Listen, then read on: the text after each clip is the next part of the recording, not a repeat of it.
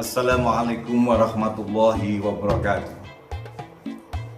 Saudaraku, sebagaimana hadis yang diriwayatkan oleh Imam Al-Hakim, hadis ini insya Allah sahih.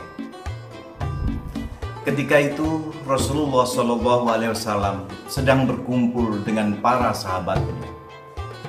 Di tengah perbincangan dengan para sahabatnya, tiba-tiba Rasulullah Wasallam tertawa ringan sampai terlihat gigi depannya. Umar radhiyallahu an yang berada di situ bertanya, "Apa yang membuatmu tertawa wahai Rasulullah?" Rasulullah sallallahu alaihi wasallam menjawab, "Aku diberitahu malaikat bahwa pada hari kiamat nanti ada dua orang yang duduk tersimpuk sambil menundukkan kepala di hadapan Allah Subhanahu wa taala. Salah seorang mengadu kepada Allah sambil berkata, "Ya Rob, ambilkan kebaikan dari orang ini untukku karena dulu ia pernah berbuat zalim kepadaku." Allah Subhanahu wa taala berfirman, Bagaimana mungkin aku mengambil kebaikan saudaramu ini? Karena tidak ada kebaikan di dalam dirinya sedikit pun. Orang itu berkata, Ya Rob, kalau begitu biarlah dosa-dosaku dipikul olehnya.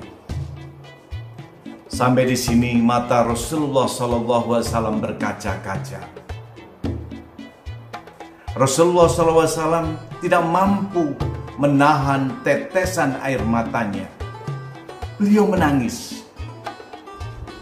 Lalu Rasulullah SAW berkata, Hari itu adalah hari yang begitu mencekam, di mana setiap manusia ingin agar ada orang lain yang memikul dosa-dosanya. Rasulullah SAW melanjutkan kisahnya. Lalu Allah Subhanahu wa taala berfirman kepada orang yang mengadu tadi, "Sekarang angkat kepalamu." Orang itu mengangkat kepalanya.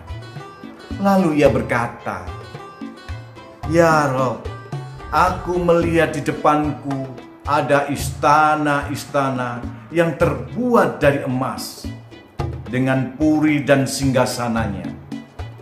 Terbuat dari emas dan perak. Bertahtakan intan berlian. Istana-istana itu untuk nabi yang mana, ya Rob? Untuk orang sidik yang mana, ya Rob? Untuk suhada yang mana, ya Rob? Allah Subhanahu wa taala berfirman, istana itu diberikan kepada orang yang mampu membayar harganya. Orang itu berkata, "Ya Rob, kini aku memaafkannya." Allah Subhanahu wa taala berfirman, "Kalau begitu, gandeng tangan saudaramu itu dan ajak ia masuk surga bersamamu." Setelah menceritakan kisah itu, Rasulullah SAW berkata, Bertakwalah kalian kepada Allah dan hendaknya kalian saling berdamai dan memaafkan. Sesungguhnya Allah Subhanahu wa taala mendamaikan persoalan yang terjadi di antara kaum muslimin. Saudaraku, amalan hati yang nilainya tinggi di hadapan Allah Subhanahu wa taala adalah meminta maaf, memberi maaf dan saling memaafkan.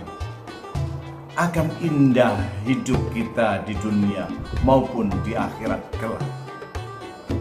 Semoga Allah senantiasa memberikan petunjuk kepada kita, memberikan hidayah kepada kita untuk menjadi orang yang gampang memberi maaf, gampang memaafkan. Semoga virus corona ini segera berlalu. Assalamualaikum warahmatullahi wabarakatuh.